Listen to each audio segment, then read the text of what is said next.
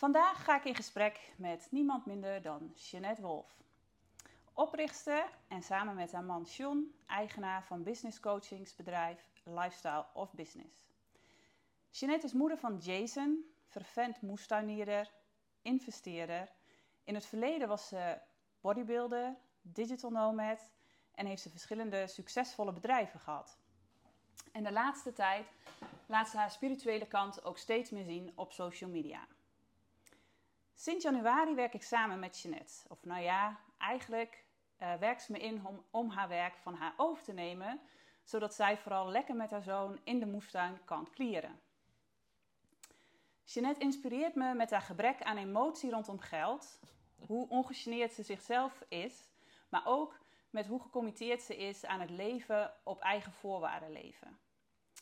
En er zijn onwijs veel haakjes waar we de diepte mee in kunnen gaan vandaag. Maar ik heb geleerd dat focus de kracht is van een goed gesprek. Dus vandaag wil ik kijken of we het kunnen houden bij investeren, maar ook vooral investeren in jezelf. Welkom, uh, Jeanette. Dankjewel, leuk. Ja. ja, ik heb gisteravond heel braaf uh, je stories op Instagram bekeken. Dat doe ik wel vaker uiteraard. Maar ik wilde echt even helemaal in die uh, Jeanette-sfeer komen. En zien wat er actueel is in jouw leven.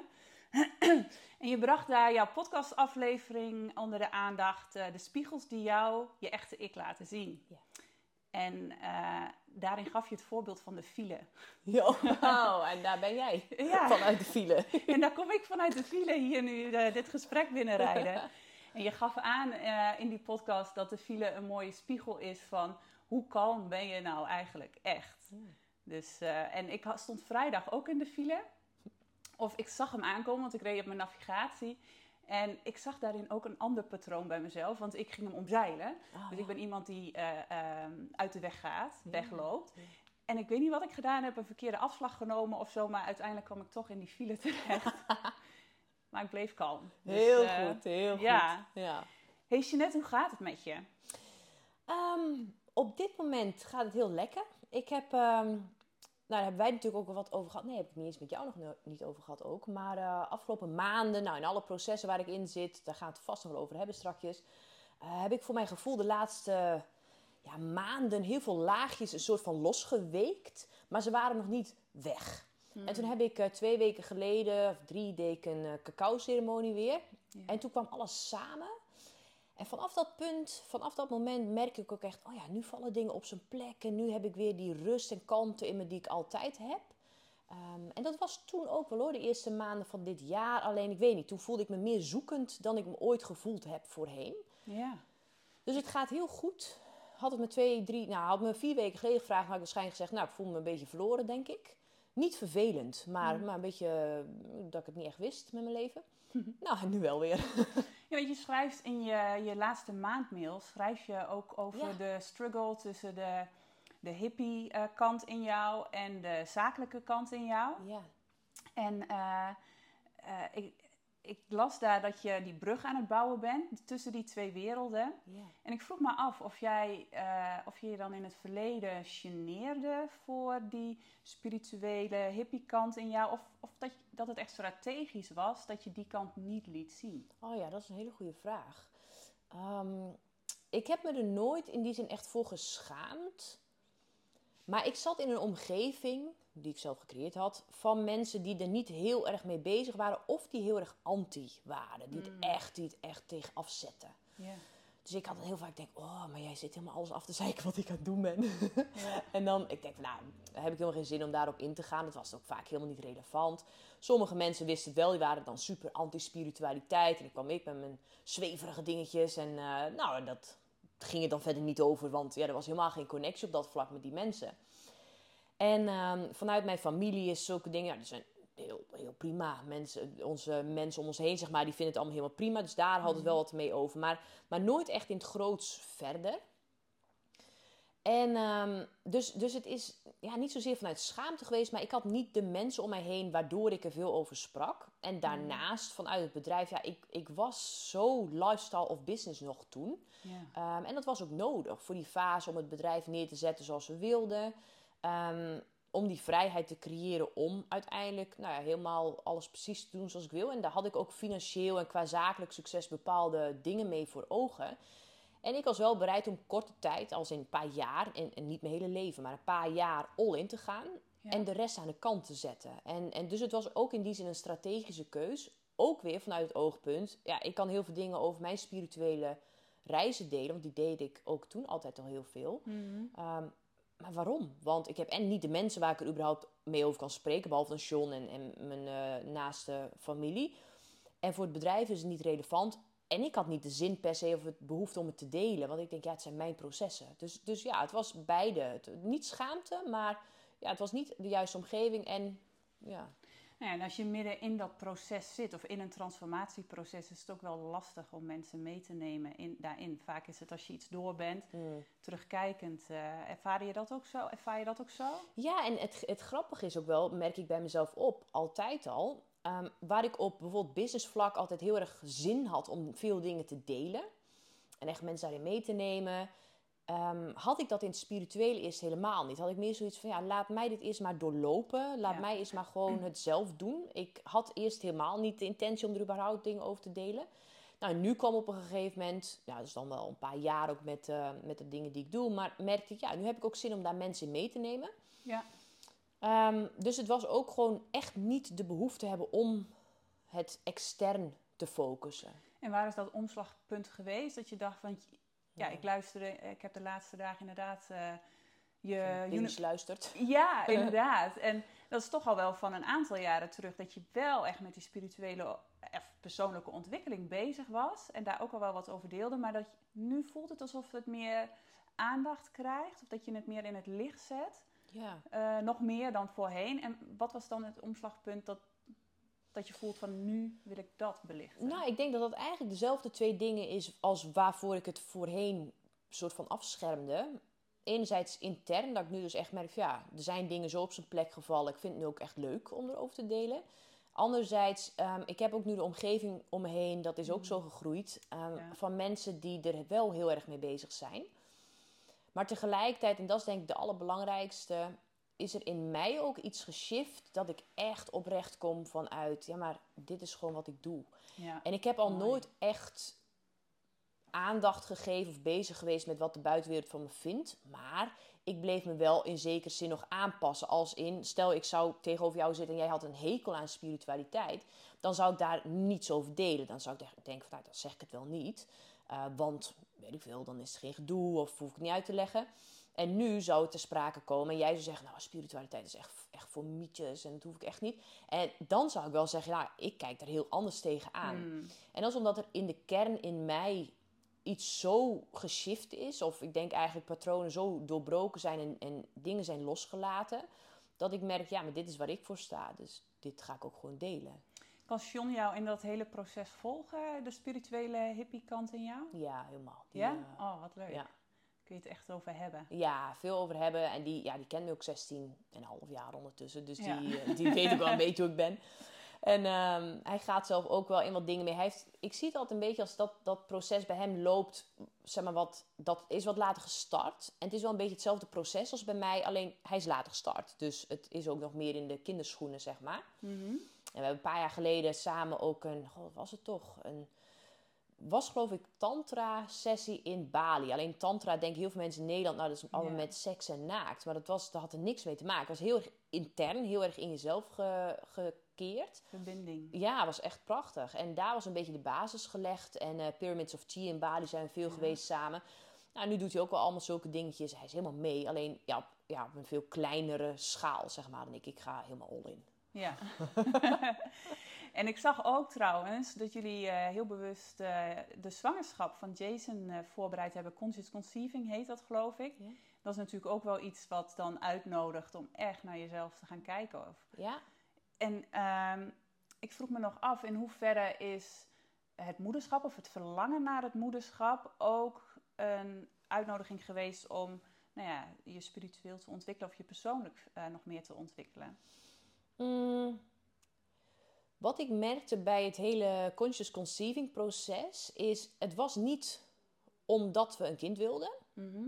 Op een gegeven moment wilden we graag een kind omdat ik die proces had doorlopen. Ik had eigenlijk tot die tijd wilde ik niet per se een kind. Oké. Ehm, Wat maakte dan dat, je, dat jullie voor conscious conceiving kozen zonder de, de wens? nou, ik denk eigenlijk dat het eh, uiteindelijk bij nader inzien bleek dat was het. Dus toen zijn we het ook bewust gaan opzoeken. Maar we hebben zeg maar toen we in Bali waren, heb ik al die processen doorlopen. En we hadden het er af en toe wel eens over. Nou, hoe sta het nog in? Nou, ik wil eigenlijk nog steeds niet. Nee, ik ook niet. Oké. Nou, dat was het dan. En ehm, toen ben ik ehm, in de ashram geweest in Bali. En eh, daarvoor ik had allemaal dingen, ook toen ayahuasca deed en cacao ceremonies en met shamanen werk ik al vele jaren. En eh, toen ging ik naar de ashram in Bali en daar zijn een paar dingen losgelaten, maar ook voor mijn gevoel was één sessie, die was super heftig. Daar werd in mijn baarmoeder werd heel veel losgelaten. Het was heel duidelijk dat dat gebeurde. Het was een heel intense dag. Het was echt de hele dag dat dat hele proces gaande was. Voelde je ook echt eh, letterlijk... eh, Echt in Je mijn baarmoeder? buik. Ja, Ah. echt. En kijk, de baarmoeder is natuurlijk als je zwanger bent super klein, of niet zwanger bent super klein. ja. Ehm, dus het was denk ik ook het energetische stuk dat ik daar heel erg in voelde. Uh, maar heel erg in mijn buik. Er gebeurde zoveel. En op een bepaald punt heb ik daar ook, moesten er ook dingen uit. Maar niet letterlijk. Alleen energetisch. Zoals je ook... ehm, ja, als je in ayahuasca kun je ook bijvoorbeeld energetisch overgeven, toch? Ik heb een keer gehad, ik denk Mhm, zo ook een hele em volgekotst. En toen keek ik naar de sessie. Ik, hè? Er zit niks in. een beetje spuug, zeg maar. Zo, pff, had Ja. ik erin gespuugd. Maar dat, dat was het. Dus er was heel veel uit, maar, maar niks fysieks. En dat was hier ook in de ashram. En, en toen merkte ik, er is iets leeg gemaakt in mij, dat moest eruit. ja. En ik weet niet wat, ik, dat weet ik nog steeds niet. Maar er is iets uit, mij, uit mijn energetisch systeem gegaan dat eruit moest, Ja. schijnbaar. Voordat ook op dat laagje dat klaar was. En ehm, nou ja, toen zijn we daar, ja, ik weet niet wat er toen, toen klik, klikte er ineens wat. En toen eh, ja, kwam het erop dat we ook aangaven, allebei eigenlijk van ja, ik, ik denk eigenlijk toch wel dat we kinderen willen. Gel, gel- geldt voor ons allebei. John die wist al wel langer dat hij het wel wilde, maar niet per se nu al, zeg maar. Als in, ja, die wilde op zijn 22e wel al kinderen. Nou, ik nog niet. Nee. Ehm, maar die eh zei niet van, nou, nu moet het dan direct erin. En zegt, nou, dan is het wel, denk ik, mooi om daar samen mee naartoe te werken. En eh, toen hebben we samen ook eh, human design eh, sessies gedaan. En ehm, nou, daar boeken over gelezen. Dus toen is het een beetje, heb ik het bewuster opgezocht. Dus het conscious conceiving was eigenlijk al onbewust in gang gezet. Ja. Ehm, en toen gaandeweg hebben we dat dus bewuster opgezocht. En zo is dat toen ontstaan. ja, want met conscious conceiving, daar ga je echt uit eh, van waar zitten nog blokkades of eh, waar valt er nog wat te helen in mij. Ja, ja, wat eigenlijk conscious conceiving is dus heel bewust naar het moment van verwekking toewerken. ja. Omdat, ehm, dat is ook weer van, ja, meer vanuit spiritualiteit, maar eh, dat wordt ook wel steeds meer bewezen, dat hoe, hoe een kind verwekt wordt. Dus dat is, en ook hoe je zeg maar, seks hebt op dat moment. Is het heel lomp en ruig, of is het heel liefdevol, of is het per ongeluk dat het gebeurt, of is het in, nou ja, dat kan alles zijn.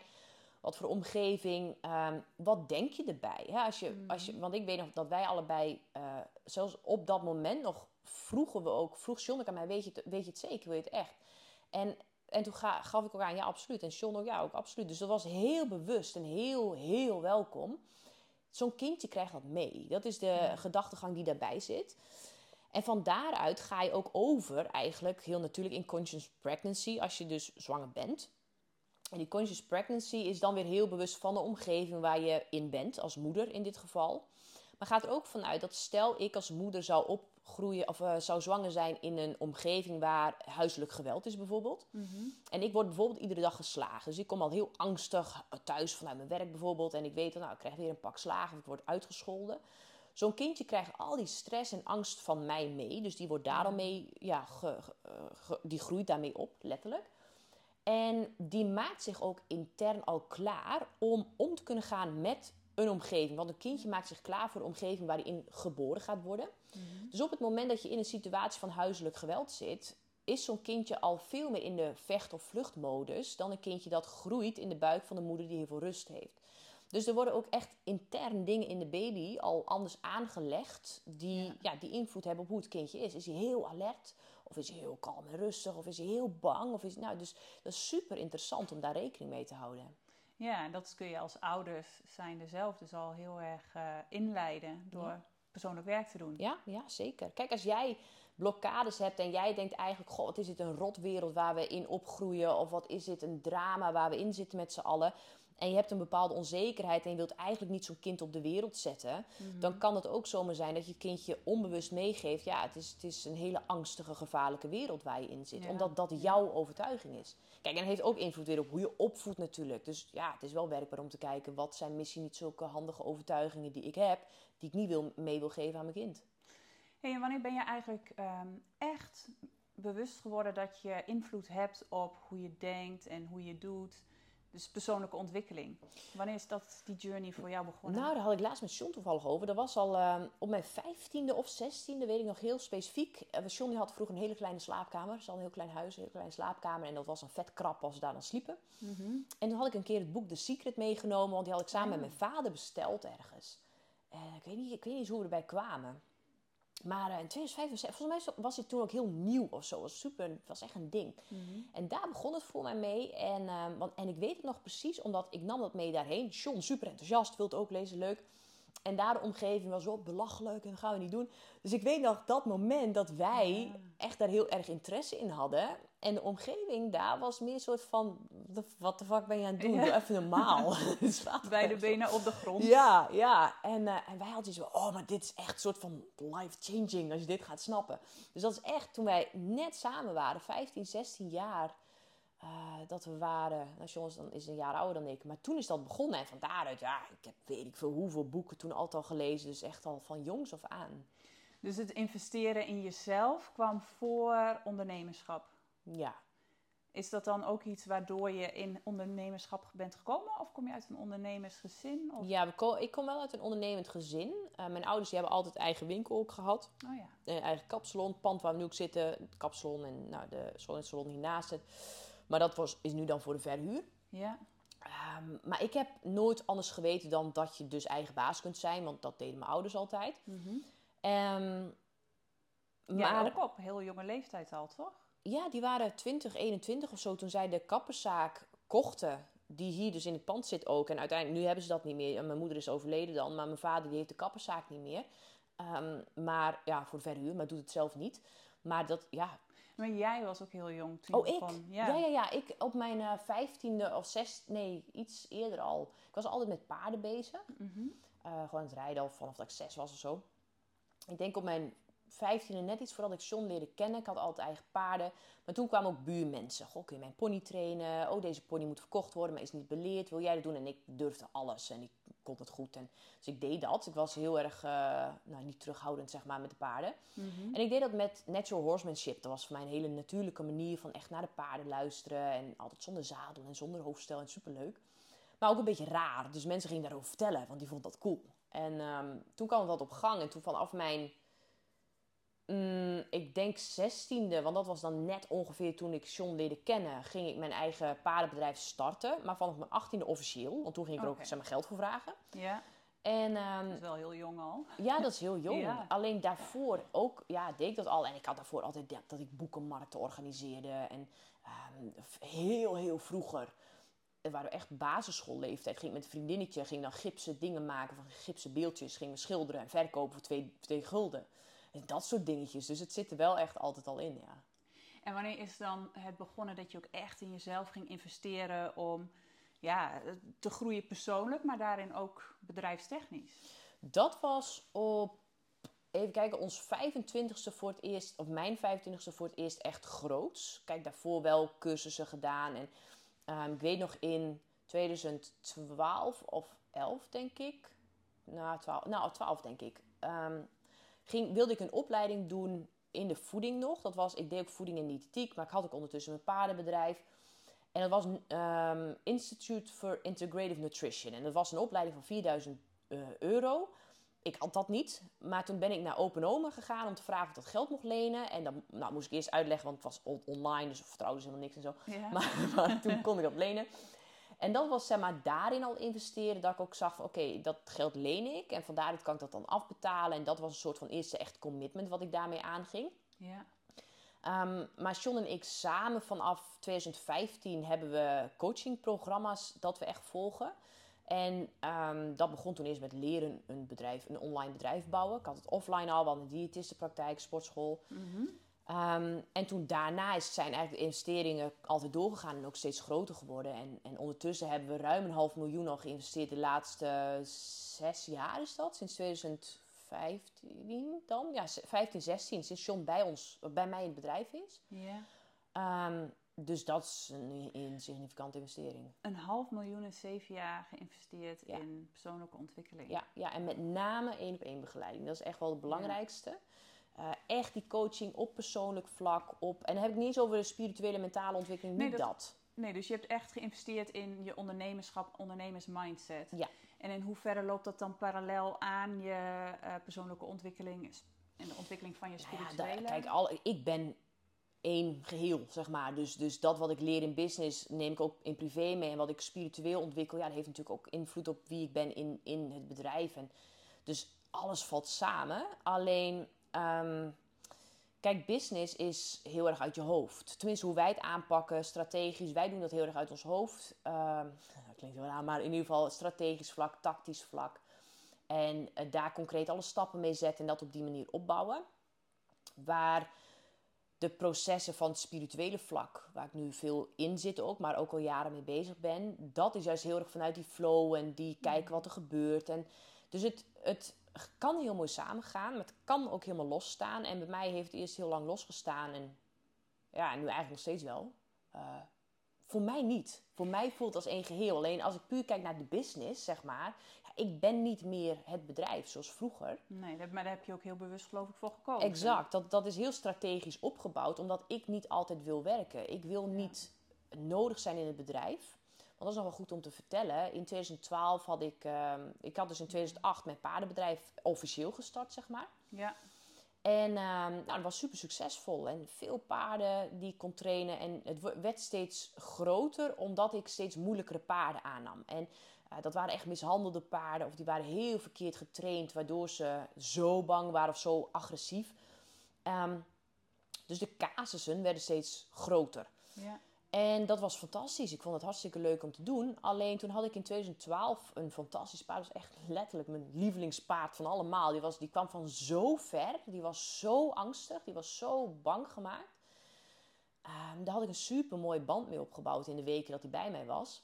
En ehm, ik deed er alles op intuïtie. was ook het enige wat ik daar had. Want ja, dat is hoe ik met die paarden communiceerde. Dus ik wist ook altijd heel goed, nu kan ik er wel op, nu kan ik er niet op, nu kan ik dit wel doen, nu kan ik dat niet doen. En met hem had ik die connectie ook heel goed. En toen wist ik aan alles, ik moet vandaag niet op hem. Ik, dat moest ik niet gaan doen. Maar ik deed het toch. En ik weet nog steeds niet waarom. Anders dan de eigenaar was erbij. Dat was voor het eerst. Mm. En ik had ergens het idee, nou, dan moet ik maar laten zien wat we kunnen.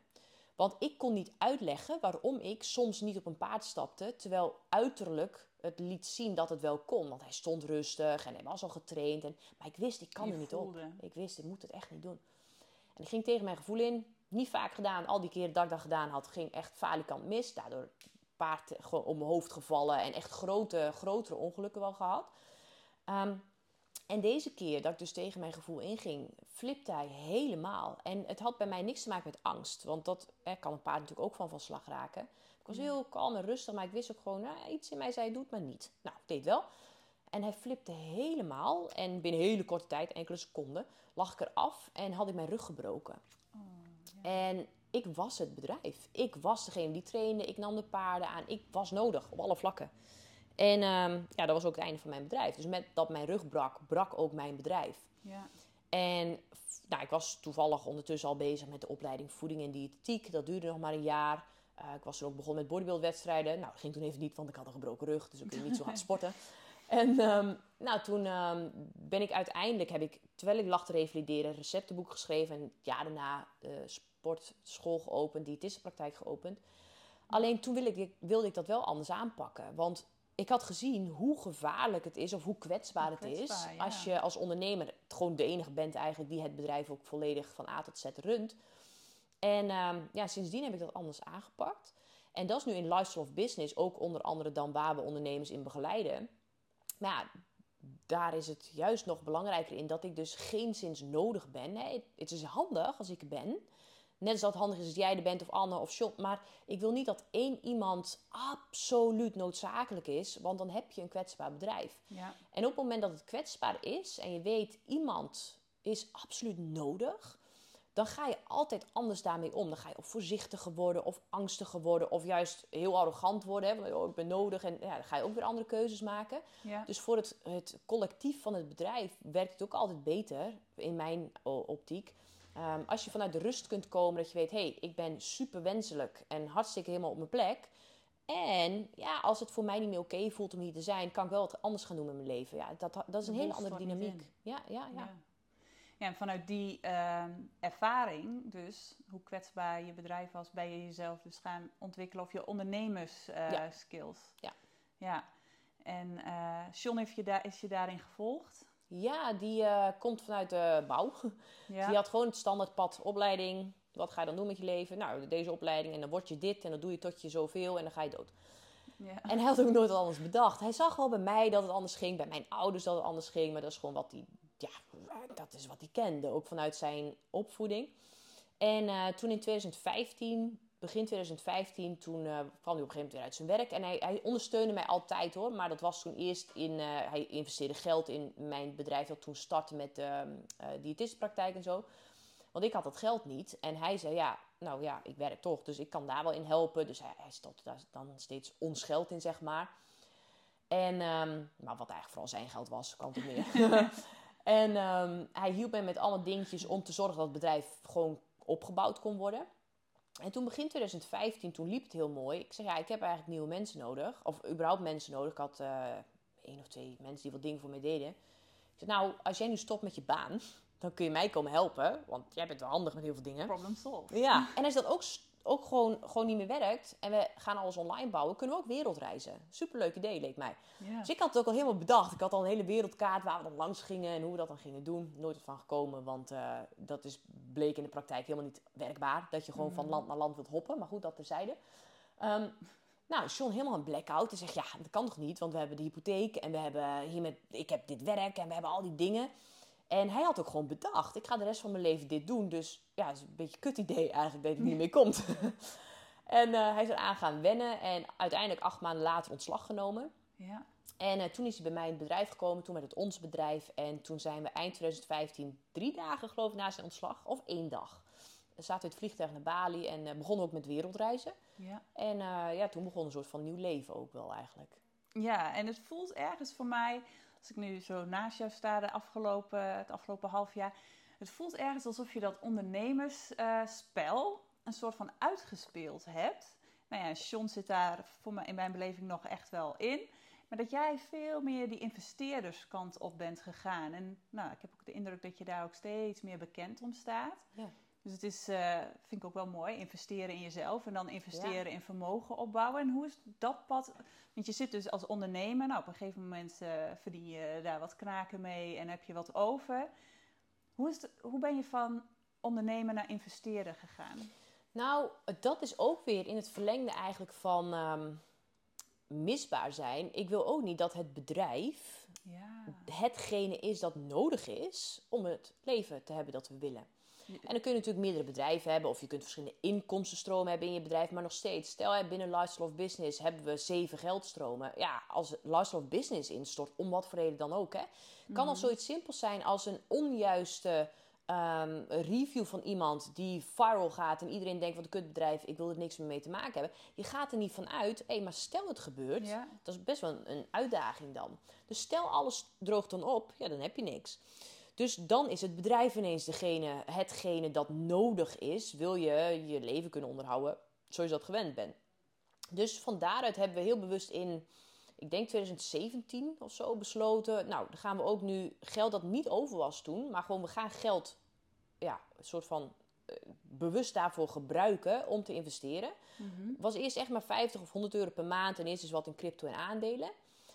Maar wel heel bewust met als doel uiteindelijk dus naast het bedrijf ook aandelen, crypto. Nou, ondertussen zitten ook NFT's erbij, maar daar wisten we het bestaan niet van toen de tijd, want dat was er nog niet.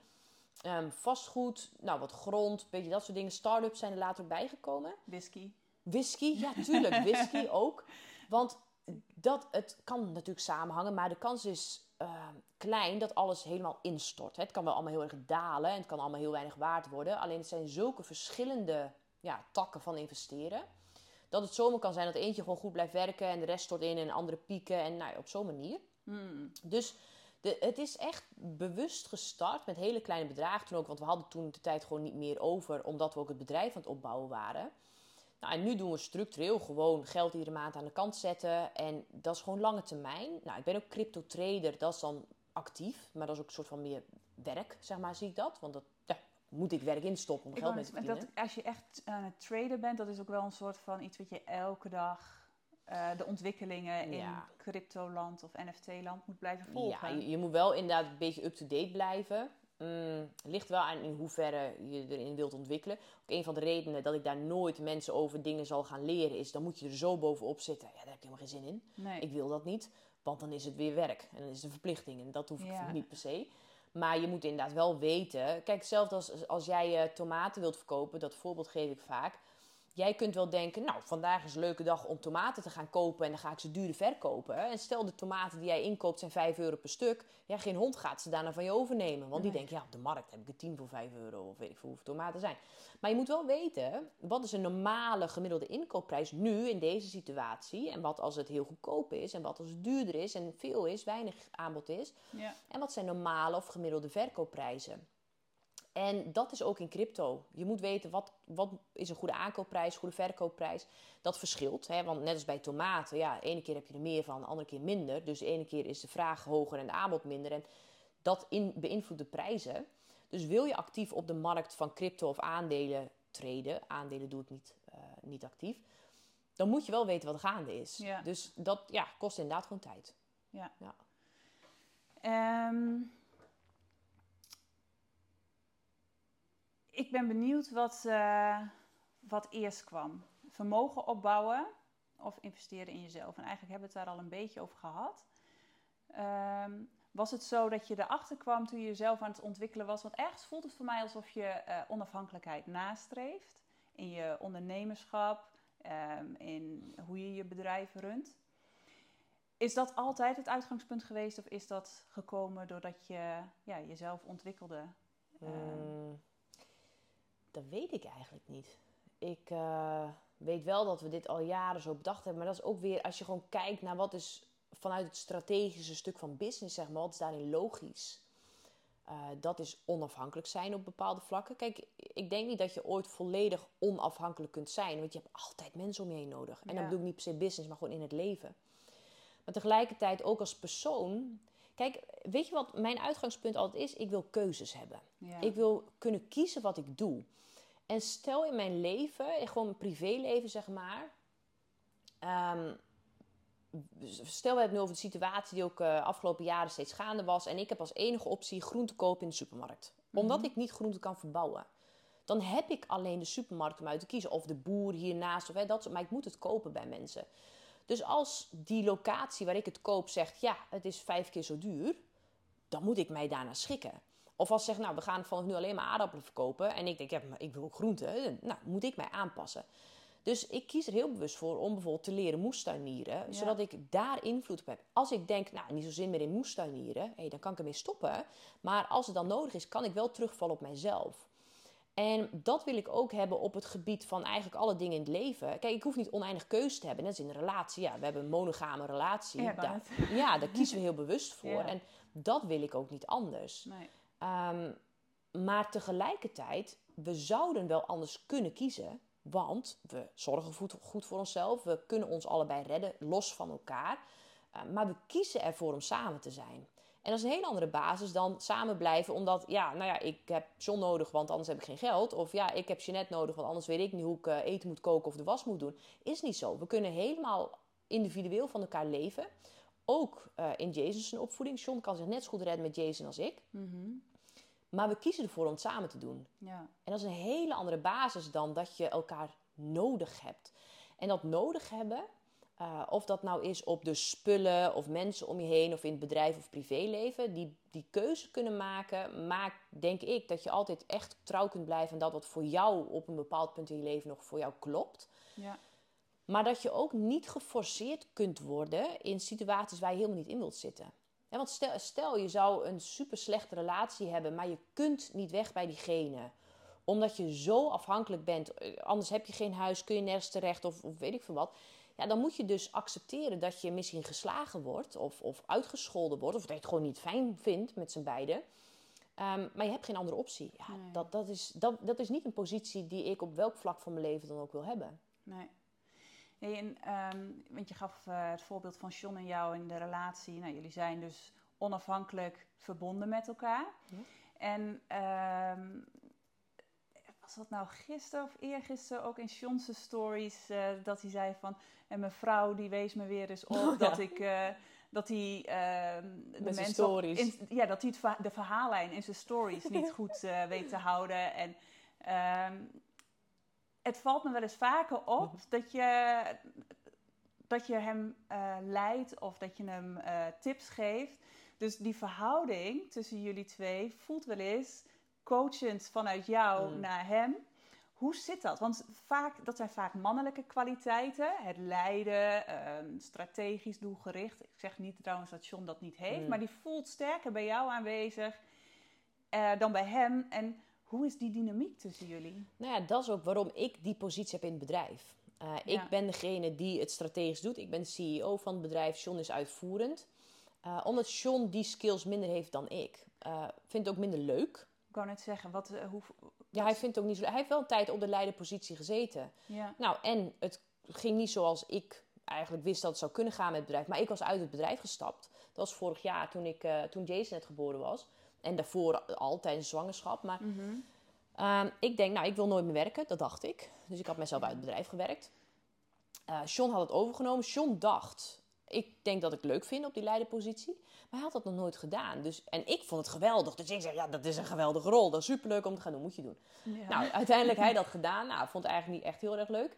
En want hij wil uitvoeren, hij wil klanten helpen, hij wil, hij wil dat doen. Dienstbaar. Ja, hij, hij, dat vindt hij leuk en daar ligt zijn passie in. Daar gaat hij all in en super, super goed in. En hij neemt Rien ook mee in, in salesverhalen en zo. Dus hij is daar fantastisch in. En daar ben ik niet goed in. Dat hele gebeuren met, met uh, gewoon lange tijd één ding doen. Mhm. Dat is niet echt, dat vind ik niet leuk. Als ik het niet leuk vind, wil ik ermee kunnen stoppen.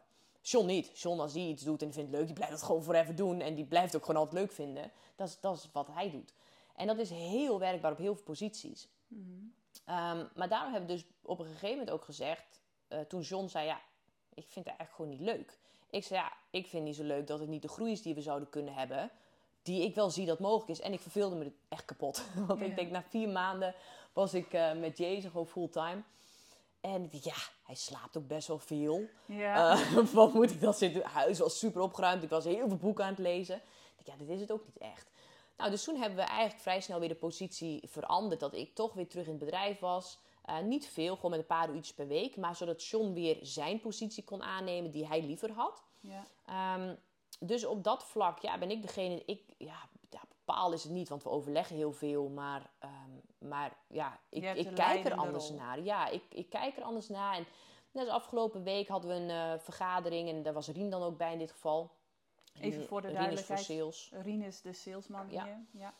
En um, ja, ik ben verantwoordelijk, of ik ben zeg maar, degene die de lijn uitzet en zorgt dat ook de targets onder andere gehaald moeten worden. En als dat niet gaat gebeuren, ja, ik ben daar uiteindelijk eindverantwoordelijke voor. Dus John die had een, een, bepaald ding niet gedaan. En dan zeg ik dat ook. Dan zeg ik, ja, luister. En zoals ik ook tegen jou dat zou zeggen, of hmm. tegen Rien zou zeggen. Ja, je hebt dat gewoon niet gedaan. Waarom niet? Ja, ik had er geen tijd voor. Ik zeg, hoezo geen tijd voor? Dan moet je dat uitzetten naar Janneke of naar Anne. En dan moet je zorgen dat het gaat gebeuren. Dus ik, ik kan heel goed switchen in mijn rol als leider. Dan, dan ben ik niet John's vrouw op dat moment. Ik ben de leider van het bedrijf. En ik heb daarin één taak. Dat is het bedrijf naar het niveau trekken waar we samen met z'n allen voor kiezen om het heen te trekken. Als ik daar ga denken, ja, dat kan ik niet zeggen, want we zijn ook getrouwd en ik hoop wel dat hij me nog aardig vindt na die tijd. Dat werkt niet, want dat gaat ten koste van het bedrijf. Dus je, je hebt altijd een bepaalde identiteit die je aanhoudt, een bepaalde rol op ieder specifiek mm. vlak. Zoals je ook anders bent met een vriendin dan met je vader of anders dan met je broer of wat dan ook. Um, zo, als je een bedrijf hebt, daar moet je in kunnen switchen. En gaat dat schakelen tussen jullie? Want jullie, even voor de luisteraars, de beeldvorming. Uh, jullie huis is ook jullie kantoor. En jullie hebben daar een grot en een moestuin en een uh, sauna en een jacuzzi. Eigenlijk hoef je hier het nooit meer... ja, inderdaad. Alles is hier. Ja, Zelfs een kapper zit in het ja pand. ook nog, ja. ja. Ehm, dus jullie zijn 24/7 samen. En dan heb je die, eh, het, dan zet je je masker op van oké, ondernemen. En kunnen jullie dan ook weer makkelijk dat masker afzetten als jullie in de huiselijke sfeer aan de eettafel? Het is letterlijk een switch. Het is letterlijk op het punt dat ik kan op het zakelijke vlak hier aan tafel nu tegen John zeggen: Ja, wat zit je nou aan te kutten? Het moet nu gebeuren. Kan ik heel erg duidelijk zijn: dat moet nu gebeuren. Ja, Maar stel, we, gaan, we zijn dan letterlijk één minuut later klaar met de vergadering en we gaan samen eten. Ja, dan, dan is daar geen sprake van. Dan is het gewoon een switch en dan zijn we gewoon samen. En, heel en, symbiotisch. ja, en, maar dat is ook nodig, want het is Mm. heel onwerkbaar als je het zakelijk leven meeneemt naar het privéleven en andersom. Ik wil het ook niet altijd over zakelijk hebben. Nee. En, en, en dat zeggen we ook tegen elkaar. Dan zeggen we ook van, eh, dat zeg ik bijvoorbeeld tegen John van, joh, eh, laat het anders gewoon niet over werk hebben nu, want ik heb daar geen zin in. Of, eh, nou ja, gewoon dat geef dan ook gewoon aan. Hebben jullie daar ook echt in moeten investeren om tot dit te komen? Dus dat jullie echt, nou ja, makkelijk die maskers kunnen switchen of die... eh, Ja, dat is de persoonlijke coaching die we daarin al, Ja. al jaren hebben. Dat, Ja. dat leert je natuurlijk om gewoon te zien dat ehm, je, het is niet nooit op de persoon. Kijk, in een Mm. bedrijf is het in dit geval het is de taken die wel of niet gedaan worden. Ehm, net als op het moment, stel, weet ik veel, er, eh, er, er, er valt een glasstuk en Jason die loopt er net rond. Dan kan ik tegen John roepen, die aan de andere kant van de kamer staat, pas op. En dan, dat kan gewoon een soort van emergency situatie zijn. En dan ehm, kunnen we even tegen elkaar roepen van, yo, let daarop. En zit je in een nou ja, beschermende vibe. Ja, Eh, maar dat is, dat... En dan kan ik denken, wat ben jij een eikel dat je die, die, eh, dat glas op de grond gooit, weet ik veel. Hè? Dat zou het kunnen zijn. Maar dat doet geen afbreuk aan hoeveel ik van hem hou of wat dan ook. Alleen heel veel mensen vermengen dat. Die blijven nog drie weken lang zeiken over het glas dat toen stuk viel. En dat was niet nodig, want ik zei toch dat je het moest opruimen. Ja, dat wordt heel werkt niet. persoonlijk. Ja, en, en, en kijk, en wat ook heel veel mensen denken, en dat is wel heel grappig om iedere keer te merken. ehm, dat merkte ik vorige, vorige week of een paar weken geleden waren we in een podcast ergens en diegene die dacht ons te kennen. Maar die kent ons helemaal niet. Zeker niet privé. Maar die zegt, ja, maar jullie zijn zo, jij bent zo en jij bent zo. En eh, dus dan zal het binnen jullie relatie wel zo en zo zijn. Ik ja, dat zit er echt helemaal naast. Ik zeg, want wat wij in zakelijk hebben, dat, is, dat zijn daar rollen die nodig zijn om het bedrijf naar een bepaald niveau te krijgen. En we hebben beide de rol gevonden die ons goed past. Ja, Dus met het privéleven, ik zeg, ja, het is niet dat John de baas is of, of dat niet. Alleen, ja, John is de vent in de relatie. Ik, eh, ik hou er ook heel erg van. Ik vind dat fantastisch. En, en dat zit zelfs op detailniveau, op de, of de soort van... Nou ja, feministen worden er nou nooit zo blij van. Maar ik vind het fantastisch als John alles voor mij regelt. Dus dat hij de, de deuren open doet. En hij vindt dat leuk om te doen. Dus hij doet de Ja. zware mannen dingen. Maar ook daarin, hij, hij leidt heel veel. En hij is echt de vent. Alleen dat is in de business niet de rol die hem past. en kon die dat ehm, makkelijk aanvaarden, dat dat in business anders is? Nou, hij vond het zo stom, die rol. Dus ja, Oh ja, dat ja, maakt helemaal Het is niet dat ik heb gezegd, luister, ik wil die rol. Geef mij die rol. Nee. Jij moet wat anders doen. Het was meer van, ja, ik vind er geen reet aan. Oh, ik vind het heel leuk en ik verveel me toch. Oh, laten we het dan weer anders gaan doen. Ja, en toen, eh, toen heb je die rol weer teruggepakt. En toen dacht je van ja, eigenlijk niet. Nu heb ik dus- Janneke nodig. nu heb ik Janneke nodig. Want Ja. je bent het nu al- als het ware toch weer uit handen aan het geven. En wat maakt dan dat je dat toch wel weer tijd vond? eh, waar wil je dan die tijd en ruimte voor vinden, of vrijmaken, die je eigenlijk had?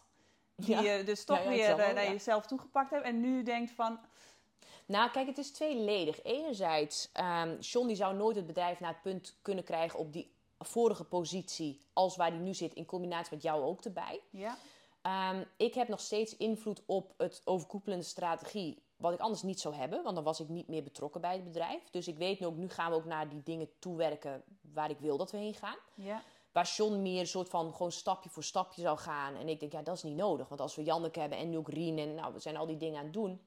We zijn nu met, ja, met Pit en Fleur en iedereen erbij zijn we denk ondertussen nu wel 12 of 13 mensen. zoiets, ja. En ehm, dus ik ben er nu bij betrokken. Alleen wat, nou ja, waar jij, jouw kracht bijvoorbeeld ook ligt, is zorgen dat iedereen zijn targets haalt. En dat iedereen de KPI's behaalt. En dat is weer het ding dat John voorheen ook gewoon, daar is hij dan wel weer heel goed in. In dat overzicht bewaren, maar hij heeft daar de tijd niet voor. Ik ben er niet bij zo goed in, want ik denk, ja, dan moet dat iedere week bijgehouden, dat is kutwerk. Dus, dus ik wil dat niet. Maar dat is weer die combinatie tussen jou en mij in dit geval. Ehm, dat dus en het strategische overview wordt bereikt. Maar ik heb ook iemand die heel gestructureerd is en dat overzicht kan bewaren. Uh, dus jij wordt echt de schakeling tussen het team. Waar ik ja, daar de interesse in mis en ook de kunde in mis. En dan zou ik mij ertoe moeten zetten. Ja. En dat kan, maar dat werkt altijd minder dan iemand die het gewoon beheerst. Net als het John Heus die, die leiderpositie zou kunnen doen, maar ja, met tegenzin. En dan is de vraag waarom. Want ja. Ja. dat is een beetje dom om dingen te doen die je niet leuk vindt. ja, dan gaat het meer energie kosten Ja. dan dat het oplevert. Ja. En waar gebruik jij dan de tijd die je aan het vrijspelen bent voor jezelf? Eh, nou, ja, ik noemde al, je bent aan het moestuinieren en uiteraard mama van Jason. Maar ehm, volgens mij investeer jij op dit moment ook veel in jezelf. En in welke Ja. ont- ontwikkeling investeer jij? Kun je ons daar eens in meenemen? ja, dat kan ik. ik Ga ehm, ik ondertussen even die deur dicht doen? Ja, is goed. Die klappert wat. Ja. Ik, ehm, eh, nou, wat ik al vertelde, ik ben al jaren met al die ontwikkelingen bezig en, en veel met, met shaman ook aan het werken. En toen eh, kwam, eind vorig jaar geloof ik, kwam er een, een ja, shamanistische training op mijn pad. Waarvan ik aan alles ook merkte, oh, dit, dit wil ik. Maar dat was ook weer in het proces van mijzelf. Dus ook al die dingen die ik daarop doe, persoonlijk vlak, eh, spiritueel vlak, dat heeft, dat heeft niet een doel anders dan voor mijzelf. Dus het is niet dat ik dan denk, kan ik daar, weet ik veel, een training van maken. Zo, dat helemaal niet. Dus je bent niet op weg naar priesteres of Mm. shamaan. En, Nee, nee. Wellicht dat dat er ooit uitkomt. Alleen dat zou ik dan echt doen omdat ik dat graag wil. Ehm, waarin business soort van ehm, moesten dingen nut hebben ook voor andere mensen. En dit is wat ik ook in het begin al vertelde. Dat ik denk, ja, maar dit vind ik gewoon leuk. Dus daarom doe ik het. En ik denk dat, ehm, dat ik daardoor ook onder andere een betere moeder word. eh, Mhm. betere vrouw kan zijn voor John. En, en nou, gewoon al die dingen. En van daaruit, weet je wel, wat, wat er nog meer uit voortkomt. Nou, dat is dan mooi meegenomen. Maar ehm, de shamanistische training kwam dus op mijn pad. Dus ik ben nu eh, in de jaartraining. En dan word je niet een shamaan of zo, want dat gaat heel veel aan vooraf. Dat, ben je, dat kun je helemaal niet zomaar worden. Ehm, maar je leert wel de hele ja, shamanistische leefwijze. Dus daar ben ik nu eh, all in mee aan het gaan. En dat is vooral ook heel veel innerlijke processen. En Mhm. ik heb al mijn hele leven dat ik eh, heel erg in verbinding sta met de spiritwereld. Ik heb ook altijd al gehad dat ik ehm, ja, entiteiten, of ik noem ze altijd geesten, maar entiteiten zie en, en voel en, en mee communiceer. En ik dacht vroeger dat het heel normaal was. Nou, vrij snel kwam ik er toen achter, dat was het toch niet zo benaderd inzien. Eh, toen, Hoe kwam je daarachter? nou, dat vertelde ik dan tegen mensen. En dan Oh ja. was het zo, maar wat bedoel je dan? Want die snapte er helemaal geen reet van. Ja, dat was dan... Dus, en dan had ik het met mijn moeder dan wel vaak over. En die, ja, die wist dat ook wel. Die, eh, ja, die wist dat en die had dat door aan mij. En, dus met haar had ik er altijd wel over. Maar ja, gaandeweg is dat, heb ik dat minder en minder gedeeld. Want eh, ja, al vrij snel ben je dan een beetje de awkward figuur in de kamer, zeg maar.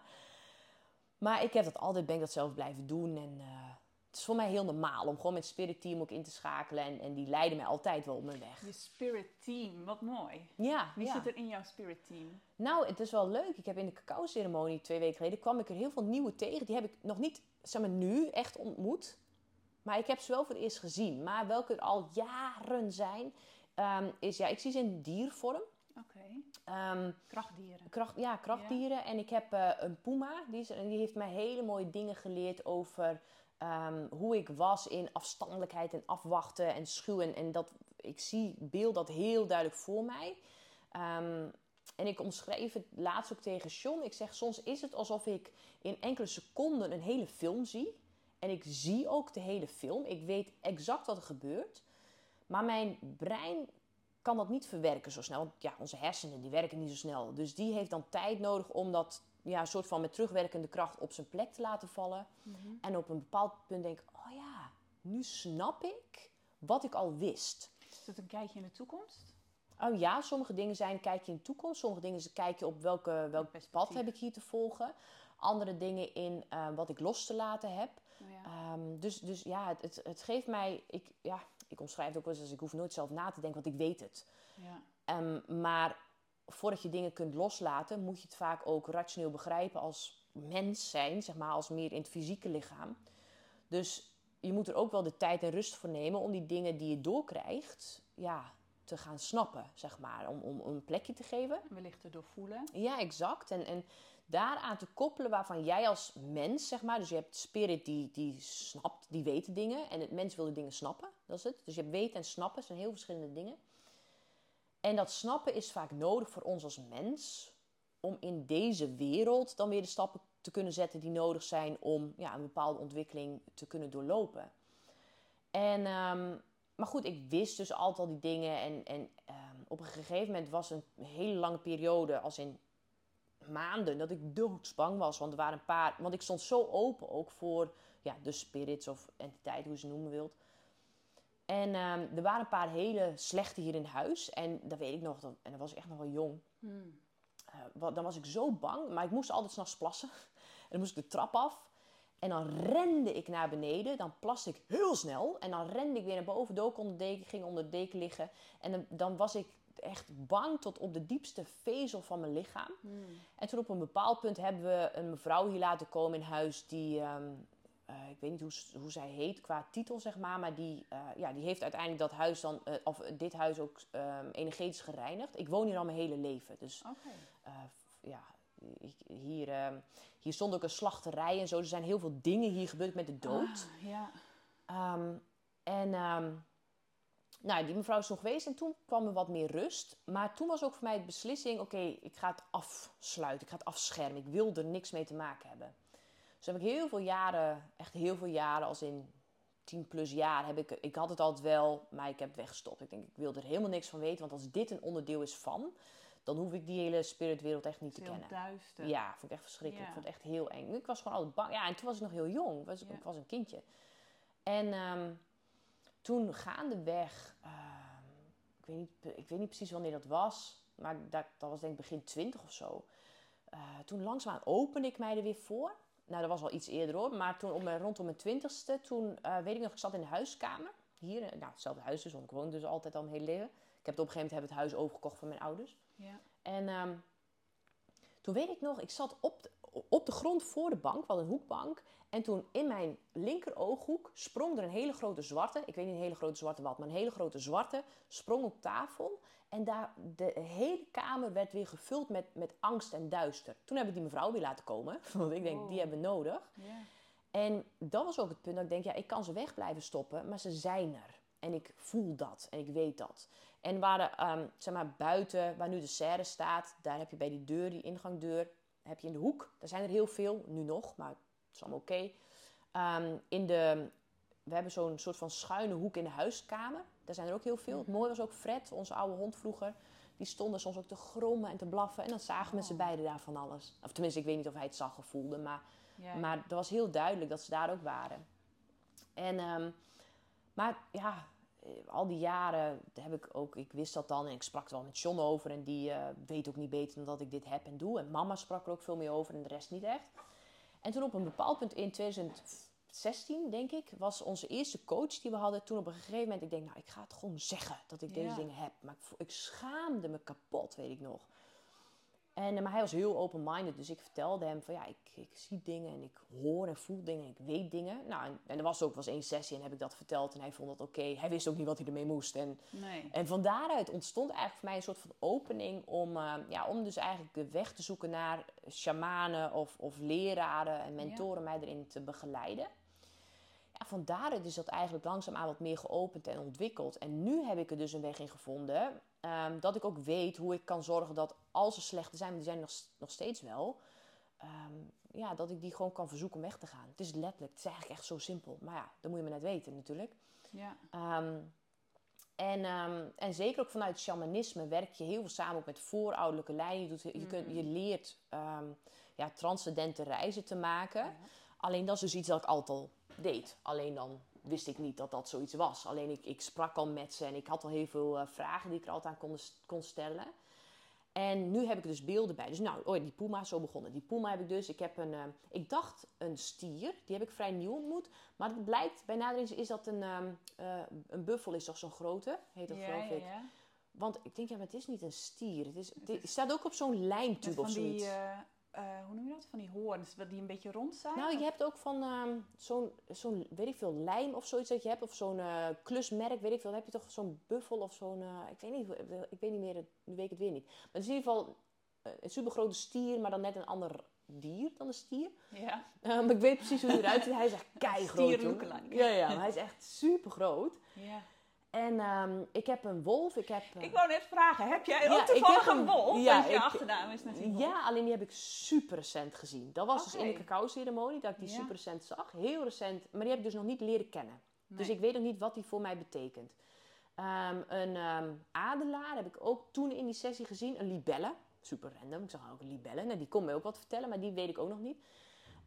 Van, van lang geleden ook...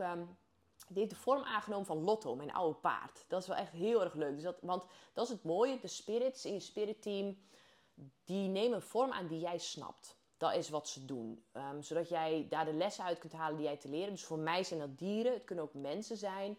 Eh, het, kunnen, het kunnen plaatjes zijn, kunnen gevoelens zijn, kunnen woorden zijn, kunnen kleuren. Het kan alles zijn. Mhm. Maar ze nemen de vorm aan die jij begrijpt, zodat jij op jouw pad gegidst wordt. Want je spirits die hebben niet een vorm per se, die zijn, die zijn spirit. En Mhm. ja, dat is maar net anders voor iedereen. ehm, hoe dat dus een vorm krijgt, dat jij het ook tastbaar kunt maken. Want dat is weer voor ons brein. Ja. Dat dat dus nodig is om, ja, om er wat van te kunnen maken, zeg maar. Ehm, en ja, in die, die reizen die je dan maakt, waar je ja, of een heel proces voor kunt doorlopen om dat te gaan leren snappen, of ja, je kunt toch, ik kan gewoon direct nu contact met ze maken. En dat is ook wel fijn. Ehm, want het hoeft niet ingewikkeld te zijn om ze om hulp te vragen. Alleen soms moet je wel, als je het nog nooit gedaan hebt, een beetje in dat proces komen om te leren hoe kun je ze dan om hulp vragen of hoe kan ik ze leren kennen. Ja. Nou, dus dat is een van de trainingen ehm, waar ik in zit. Maar ook vooral om meer te leren te komen over ja, het hele shamanisme, over het werken met de elementen, over al dat. Dat is echt eh, super interessant. Ehm, en ik ben ook in eh, opleiding voor een cacao-ceremonie trainer. Dus echt zeg maar de facilitator van eh cacao-ceremonies. Ook dat niet om die per se te geven. Ik sluit niet uit dat ik dat een keer ga doen. Ik dacht eens van niet. Maar nu ik ermee bezig ben, denk ik, het is echt heel leuk. Dus wellicht wel. Maar dat is eigenlijk echt voor mezelf. Want ik doe veel met cacao. Ja. Maar ik wilde een beetje die achtergrond kennen. Want ehm, het hele spirituele werk en met, met plantmedicijnen zo werken, het is zo. Het zijn hele heilige processen. En het is Ja. best wel tegenwoordig van, oh, we gaan een ayahuasca sessie doen. Nou, het is niet dat. Het is niet een of andere druk die je gaat gebruiken en een beetje een party van te maken. Het zijn superheilige processen. Als je kijkt hoe bijvoorbeeld de cacao eh, gemaakt Ja. wordt, van letterlijk planten tot aan verwerken, totdat ik het in de kast heb, die specifieke die ik dan heb, Ehm, daar, is, daar zit zoveel liefde in. En er zitten hele ja, lijnen in van alle voorouders van die stam die dat maken. Dat wordt op een hele aandachtige, liefdevolle manier gemaakt. Omdat alles wat je gebruikt, de intentie die erin zit, is heel zeggen, bepalend. Ja. Dus ehm, ja, daar die achtergrond meer van weten, ik vind dat super mooi om dat te zien. Ehm, ja, en waarom doe ik het? Ja, dat weet ik eigenlijk ook niet. vind ik leuk. En je, bent, eh, je hebt de uni- naast Lifestyle of Business, het bedrijf wat je samen met John hebt, heb je natuurlijk ook eh, University of Excellence. En eh, dat heeft de laatste tijd wat minder aandacht eh, gekregen. Maar is dat iets waar je die spirituele kant en het ondernemerschap samenbrengt? Nee, ondernemen niet. Dat is. Dat eh, zit daar niet nee. in. Soms stellen mensen wel vragen. hoor. Ik heb iedere maand Q&A. Ik doe iedere maand één, twee video's daar posten. Om samen met de mensen ja, gewoon alles te doorlopen qua ontwikkeling. Ja. Maar dat is echt op de persoon zelf. Want uiteindelijk, jij als persoon, ook als je een bedrijf bouwt, eh, ja, jij als persoon bent een soort van de centrale factor, zeker in het begin. Dus als jij aandacht aan jezelf besteedt, dan zal je bedrijf er ook van, van eh, ja, benefit van hebben. Maar er zijn ook heel veel niet-ondernemers die erin zitten. Het is, heeft niks met strategie te maken. Er zijn eigenlijk vijf pijlers: spiritualiteit, mindset, dus echt het leiderschap nemen en je gedachten leren kennen. Want hè, wat ik net ook al zei, je hebt spirit en dat is het weten. En dat weten gaan we ontwikkelen. Maar je hebt ook of, eh, ja, het weten en je hebt ook het snappen. Ja. En het snappen, daar zit het ego in weg. Onze schaduwen, onze, alle dingen die we hebben meegemaakt van vroeger. Dus we, ik heb daar onder andere de training Gelukkig om niks en ondanks alles in. ja, fantastische titel. Ja, echt cool. Eh, en ehm, daar gaan we stap voor stap echt doorlopen. Wat zijn jouw triggers? Wat zijn jouw schaduwen? Wat zijn alle concepten die in jouw leven, waardoor je nu bent wie je bent? En welke dingen wil je afscheid van nemen? Welke wil je aan gaan werken? Ehm, maar dat gaat op het niveau van dat je ook leert waarom je nou getriggerd wordt door die ene persoon. Of waarom je nou altijd geldstress ervaart of geldblokkades hebt. Waarom... Want als jij de waarom gaat snappen, kun je de oorzaak zien en daar kun je dan het werk weer op doen. Nou, dat werk dat doen we dan dus op het spirituele vlak. Ja. Ehm, Persoonlijk leiderschap. ja, persoonlijk leiderschap is het mindset gebeuren inderdaad. Ja. Dus dat is echt eh, in je hoofd als het ware. En, en ja, je opvoeding en alle dingen, hoe die ontwikkeld zijn. Dat gewoon hoe jij bent geworden als mens door alles wat je hebt meegemaakt. Ja. Ehm, dan het spirituele en emotionele, dat is het verdiepende. We hebben ook ehm, het lichaam betrekken we erbij. Dat is een, best wel een klein onderdeel, maar bijvoorbeeld er zit een watervasttraining heb ik erin. Eh, we gaan de diepte in over ehm, ja, hoe je ja, een, een weg kunt vinden om je lichaam zo goed mogelijk te ondersteunen op voedingsvlak. Niet heel erg in detail, hoewel er staat een hele bikini fitness training. Dat is nog vanuit mijn vorige bedrijf. Ik denk ja, dus als je ook krachttraining ja, lachen toch? Dus eh, alles over krachtsport. Dus mocht je dat willen doen, dat zit er ook in. Maar gewoon om je lichaam, eh, zeker ook door het watervasten en zo, ook nog weer in andere processen te brengen. Maar ook met watervasten en ehm sapvasten heb ik ook. Daar kom je ook weer jezelf tegen. Dus je komt ook weer op mindset vlak dingen tegen. Maar ook op spiritueel niveau kun je heel erg verdiepen. Het is heel holistisch. Dus ja, holistisch de eh, University basis. of Excellence. Ja, ja, dat, Dat, is ook, eh, dat is ook hoe ik het benoem. Een holistische benadering. Ja, Het is, ik noem het volgens mij zelfs, als je via mijn link in bio erheen gaat, een holistisch membership geloof ik of zo. oké. Um, maar dat is inderdaad het uitgangspunt. En, um, en we hebben dan als laatste de, het materialistische, het materialistisch excelleren. Want ja, je leeft ook gewoon in deze wereld. En uh, Mhm. geld hebben is ook leuk. Dus we gaan ook kijken hoe kun je daarin voor jou ontdekken wat jij wilt. Ja. Dat je het leven kunt leiden dat je wilt. Maar dat gaat niet alleen over geld, of helemaal niet per se zelfs. Het gaat over echt kijken wat, wat wil ik mezelf gunnen aan ervaringen. Misschien heb je eens een keertje dat je denkt, nou het lijkt me zo gaaf om business class te vliegen. Maar Oh, ja. ik weet niet hoe, hoe ik daar kan komen. Krijg gewoon stappen. Hoe kun je dat nou gaan realiseren? En niet vanuit manifesteren en zo, maar ook het strategische. Dat je gewoon weet, oh, Ja. zo maak je dus een plannetje. Zo ga je daar dus gaandeweg geld voor aan de kant kunnen zetten. Eh, zo kan ik dat doen. Dus ik leer je ook rondom geld en rondom materialistische dingen anders denken. Ja. Zodat je ook van daaruit eh, ja, het leven kunt ervaren zoals je wilt. Dus ik wil eigenlijk dat nergens de blokkade zit. En geld is vaak wel een blokkade voor heel veel mensen. Oeh, voor veel mensen wel, ja. Ja, en dat is Ja. zonde. En, ehm, en dat is ook wel leuk, want mensen die denken ook heel vaak, ja, het is of spiritueel of het andere. Ehm, en ja, dat, dat hoeft niet. Je kunt en-en leven. En dat is ook een beetje Ja. het uitgangspunt. Het is echt het en-en. Ja, die hoor ik bij jou ook heel vaak terugkomen. Ja. Het is niet en of of. Nee, Nee. het is niet of of, het is en en. Ja, ja. Ja, mooi. Ja. Er zijn heel veel dingen waar ik nog graag eh, verder met je over wil praten. Maar volgens mij moeten we hem, eh, gaan we, is, het goed om hem nu te besluiten. Oké. en, eh, want we zitten op een uur. Oh. En de meeste podcasts zijn een uur. Dus, maar ik sluit niet uit dat ik nog een keer bij je Ja, terugkom. leuk. Ja, natuurlijk. Kijk, we kunnen zelfs letterlijk een hele aflevering doen over shamanisme of Ja. cacao-ceremonies. Of, je kunt alle kanten mee op. Lijkt me heel leuk. Ja, Dus, eh, ja, Graag. Zeker. Nou, ik ook. Vind ik leuk. Er zijn wel drie vragen waar ik nog mee wil afsluiten. Het zijn wat kortere vragen, maar waar Mhm. ik, ik stel ze eigenlijk aan iedereen. En de, de eerste is, dat komt eigenlijk vanuit een persoonlijke fascinatie over spiritualiteit en hoe die definitie van spiritualiteit voor iedereen heel anders is. Hmm. En ik vind het dan altijd heel erg leuk om, iedereen, om mensen te vragen, ja, wat is jouw definitie van spiritualiteit? Dus Ja. bij deze, Nou, voor mij is dat die verbinding met wie je in de kern echt bent. Wij als ziel. Je Ja. hebt natuurlijk een ziel, of je, je bent ziel, je hebt een lichaam. Dat is tenminste wat ik geloof.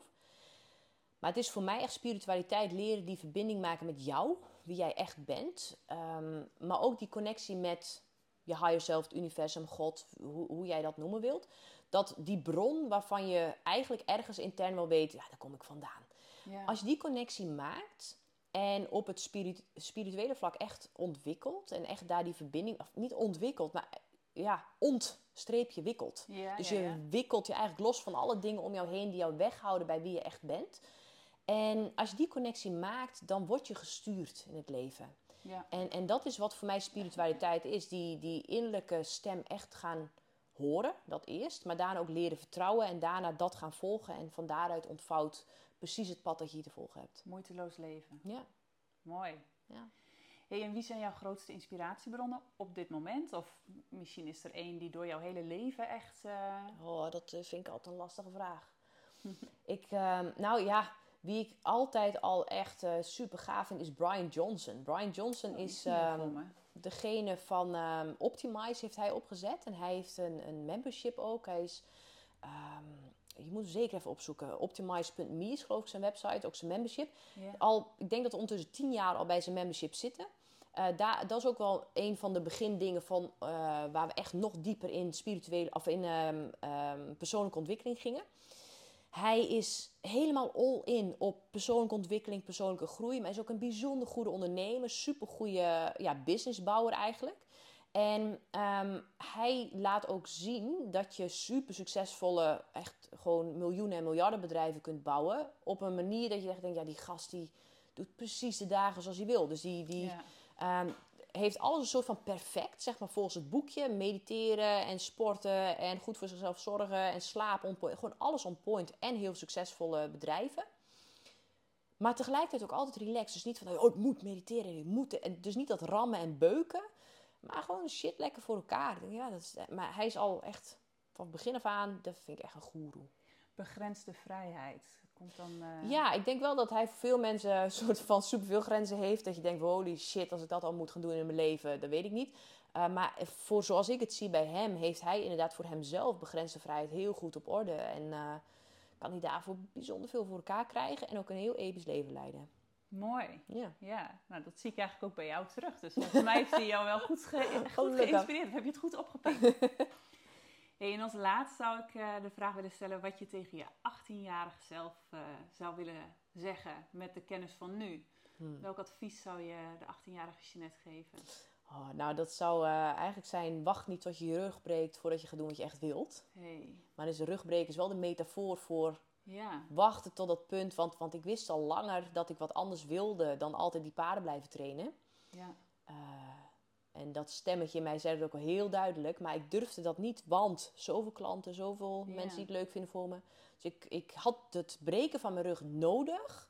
Maar ook echt het re- breken van mijn rug. Want ik weet ook, als ik mijn vinger zou hebben gebroken of mijn arm, dan was ik weer opgeklommen. Ja. Ehm, met de rug gaat dat niet. Nee. Dat, kan, dat is letterlijk onmogelijk, gewoon minstens een half jaar lang. Dus eh, toen had ik echt de tijd om mijn pad te gaan volgen. Ehm, dat is ook voor mij echt de switch geweest. Dat ik echt zag, wat? Oké, Ja. als, ik, als ik die innerlijke stem blijf negeren... Ja, dan is het dus nu rugbreken. Wie weet wat het later wordt. Een brute wake-up call. Ja, ja, maar echt. En ehm, eh, dat was voor mij echt het punt dat ik dacht van... Oké, echt besloot, dat, dat gaat niet weer gebeuren. Ja. Hoe fucking eng ik het ook vind om bepaalde dingen te doen. Als ik iets niet meer wil, of als ik merk... Ik moet een andere richting op, dan ga ik dat doen. Ja. En dat is van hoe, hoe ik vanaf dat punt ook altijd heb geleefd. Echt luisteren naar je innerlijke Ja. weten. Ja. Mooi. Ja. Hey, waar kunnen mensen meer over jou te weten komen? Nou, Wat ik denk de- eh, dat het startpunt eh, is wel eh, Instagram, Wolf. En podcast, ja, de University of Excellence podcast. Gewoon even googlen, dan vind je hem wel. Ja. is denk ik wel een heel leuke. Dat is echt over het persoonlijke vlak, spirituele vlak wel een beetje. Als je de ondernemersreis wat meer wilt volgen, van toen ik totaal in een zwart gat zat in mijn leven, 2017 of 18, en van daaruit eh, dingen heb opgebouwd. Dat is de eh, Imperium podcast. Dat is heel Ja. persoonlijk. Ben ik wel, denk ik, twee jaar geleden zo mee gestopt. Maar dat is echt, dan neem ik je soort van in het dagelijkse mee. Van wat doen we, hoe bouwen we een bedrijf op. En alle struggles en alle fuck-ups. Eh, maar ook alle hoogtepunten. Dat is ook wel heel erg leuk. Maar ik zou zeggen, eh, als je echt into ondernemen bent, is dat of de Lifestyle of Business podcast. En anders als je denkt van nou, persoonlijke ontwikkeling en die spirituele verdieping. persoon. Ja, dan is het wel de University of Excel- Excellence podcast. Maar gewoon Instagram beginnen. En Ja. kijk, je krijgt overal een soort van half beeld. Maar als je alle dingen connect, dan zie je wel een soort van compleet plaatje van me. Leuk. Ik zal ook echt alles, eh, alle linkjes eventjes onder de Ja, podcast vermelden. Ja, cool. Nou, fantastisch. Dankjewel voor, je, voor dit mooie gesprek. En eh, lieve luisteraars, eh, voor jullie tot, eh, tot de volgende podcast. doei doei.